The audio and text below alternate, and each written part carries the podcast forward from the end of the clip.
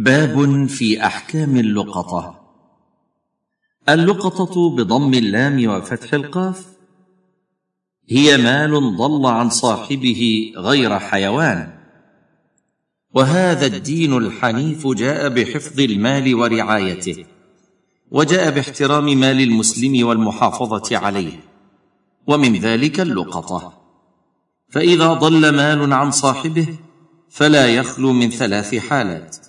الحالة الأولى أن يكون مما لا تتبعه همة أوساط الناس كالصوت والرغيف والثمرة والعصا فهذا يملكه آخذه وينتفع به بلا تعريف.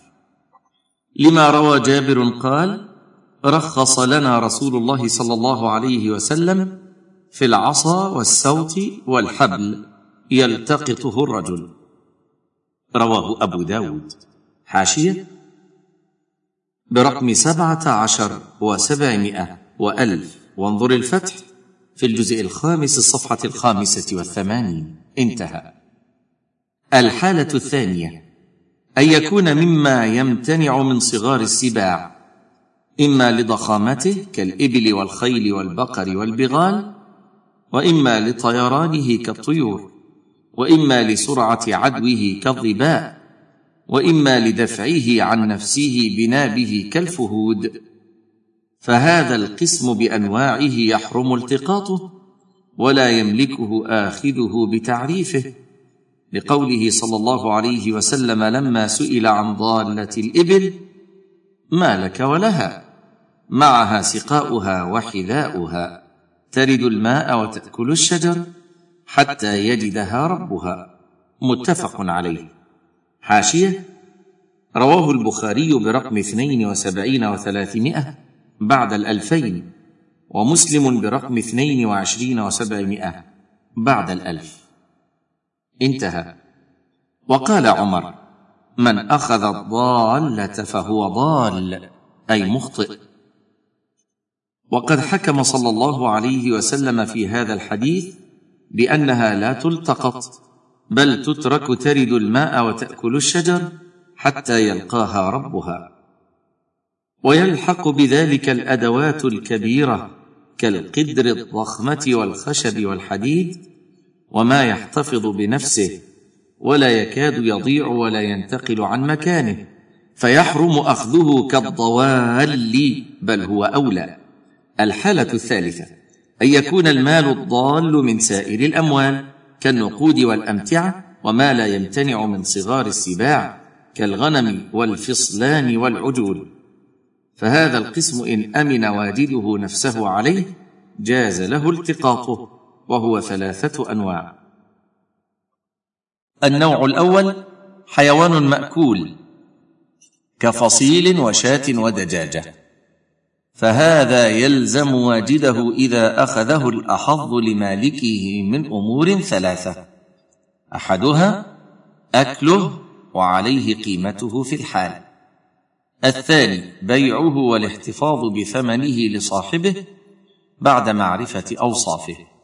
الثالث حفظه والإنفاق عليه من ماله ولا يملكه ويرجع نفقته على مالكه إذا جاء واستلمه لأنه صلى الله عليه وسلم لما سئل عن الشاة قال خذها فإنما هي لك أو لأخيك أو للذئب. متفق عليه. حاشية. رواه البخاري برقم اثنين وسبعين وثلاثمائة بعد الألفين ومسلم برقم اثنين وعشرين وسبعمائة بعد الألف. انتهى. ومعناه أنها ضعيفة معرضة للهلاك مترددة بين أن تأخذها أنت أو يأخذها غيرك أو يأكلها الذئب. قال ابن القيم في الكلام على هذا الحديث الشريف حاشية زاد المعاد في الجزء الثالث الصفحة التاسعة والخمسين والستمائة. انتهى. فيه جواز التقاط الغنم وأن الشاة إذا لم يأت صاحبها فهي ملك الملتقط. فيخير بين أكلها في الحال وعليه قيمتها وبين بيعها وحفظ ثمنها وبين تركها والإنفاق عليها من ماله. حاشية أي أخذها وتركها دون بيع أو ذبح. انتهى. واجمعوا على أنه لو جاء صاحبها قبل أن يأكلها الملتقط له أخذها. النوع الثاني ما يخشى فساده كبالطيخ وفاكهة. فيفعل الملتقط الأحظ لمالكه من أكله ودفع قيمته لمالكه وبيعه وحفظ ثمنه حتى يأتي مالكه. النوع الثالث سائر الأموال ما عدا القسمين السابقين كالنقود والأواني فيلزمه حفظ الجميع أمانة بيده والتعريف عليه في مجامع الناس.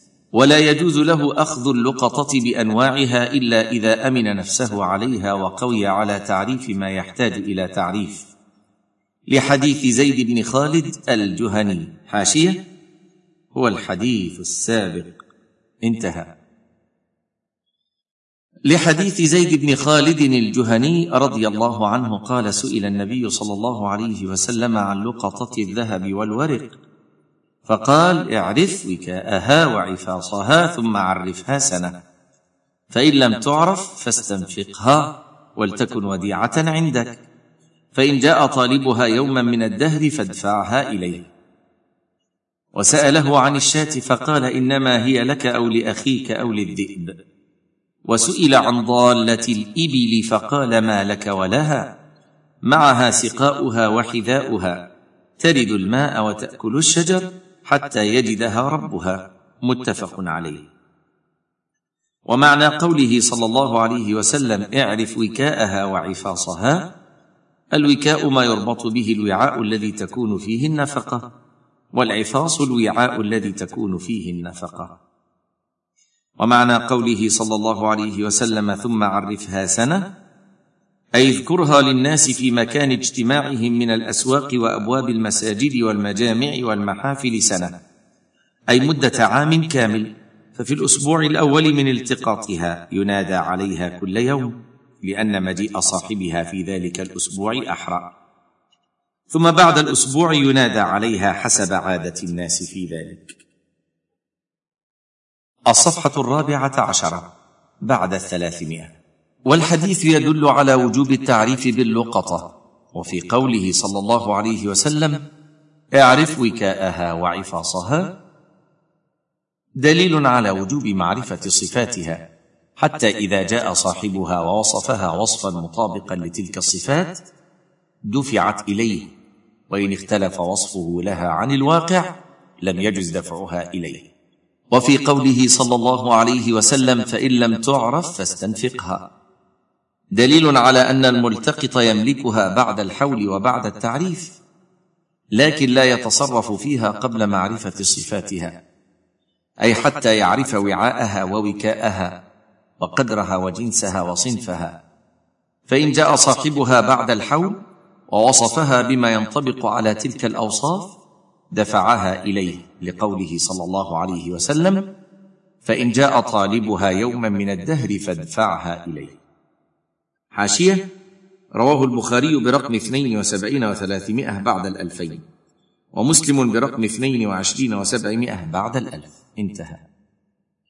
وقد تبين مما سبق أنه يلزم نحو اللقطة أمور. أولا إذا وجدها فلا يقدم على أخذها إلا إذا عرف من نفسه الأمانة في حفظها والقوة على تعريفها بالنداء عليها حتى يعثر على صاحبها.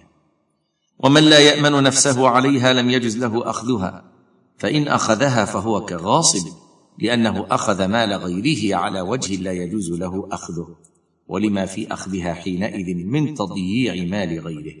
ثانيا لا بد له قبل أخذها من ضبط صفاتها بمعرفة وعائها ووكائها وقدرها وجنسها وصنفها. والمراد بوعائها ظرفها الذي هي فيه كيسا كان أو خرقة والمراد بوكائها ما تشد به لأن النبي صلى الله عليه وسلم أمر بذلك والأمر يقتضي الوجوب.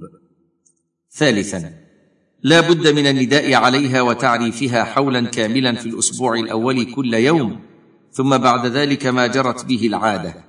ويقول في التعريف مثلا من ضاع له شيء ونحو ذلك. وتكون المناداه عليها في مجامع الناس كالأسواق.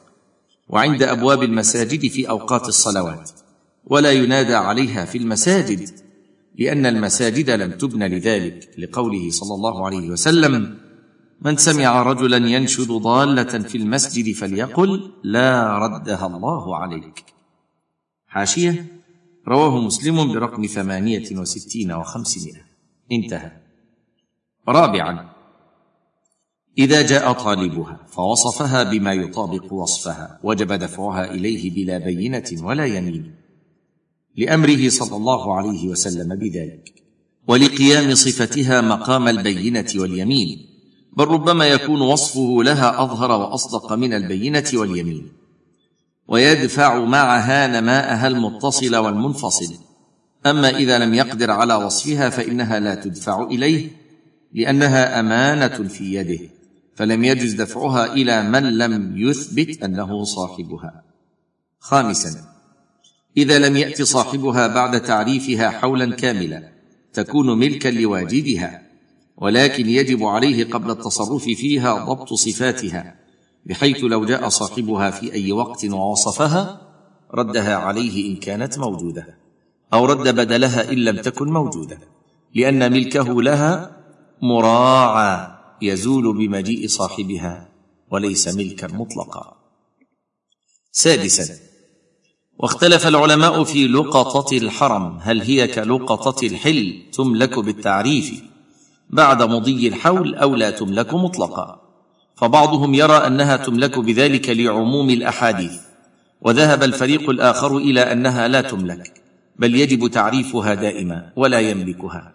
لقوله صلى الله عليه وسلم في مكة المشرفة ولا تحل لقطتها إلا لمعرف.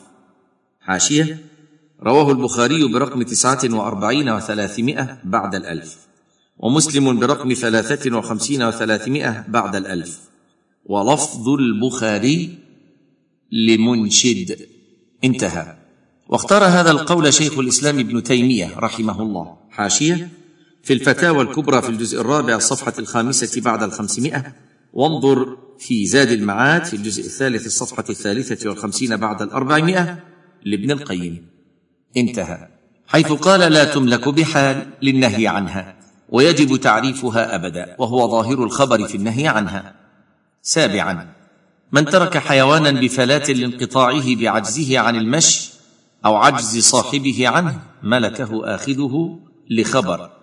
من وجد دابة قد عجز أهلها عنها فسيبوها فأخذها فهي له. رواه أبو داود. حاشية؟ برقم أربعة وعشرين وخمسمائة بعد ثلاثة آلاف. والبيهقي في الجزء السادس الصفحة الثامنة والتسعين والمئة. والدار قطني في الجزء الثالث الصفحة الثامنة والستين. وعنه ابن الجوزي في التحقيق. انتهت الحاشية.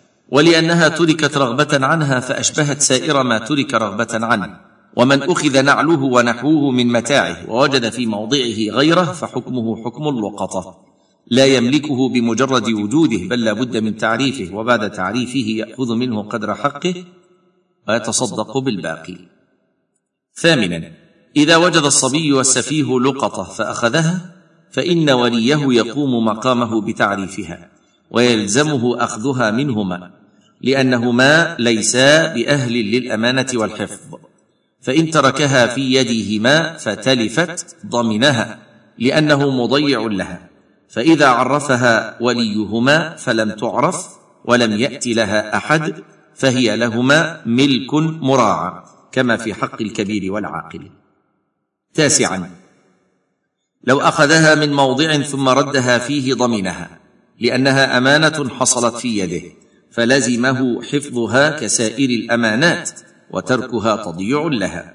تنبيه من هدي الإسلام في شأن اللقطة تدرك عنايته بالأموال وحفظها وعنايته بحرمة مال المسلم وحفاظه عليه. وفي الجملة ندرك من ذلك كله حث الإسلام على التعاون على الخير. نسأل الله سبحانه أن يثبتنا جميعا على الإسلام ويتوفانا مسلمين.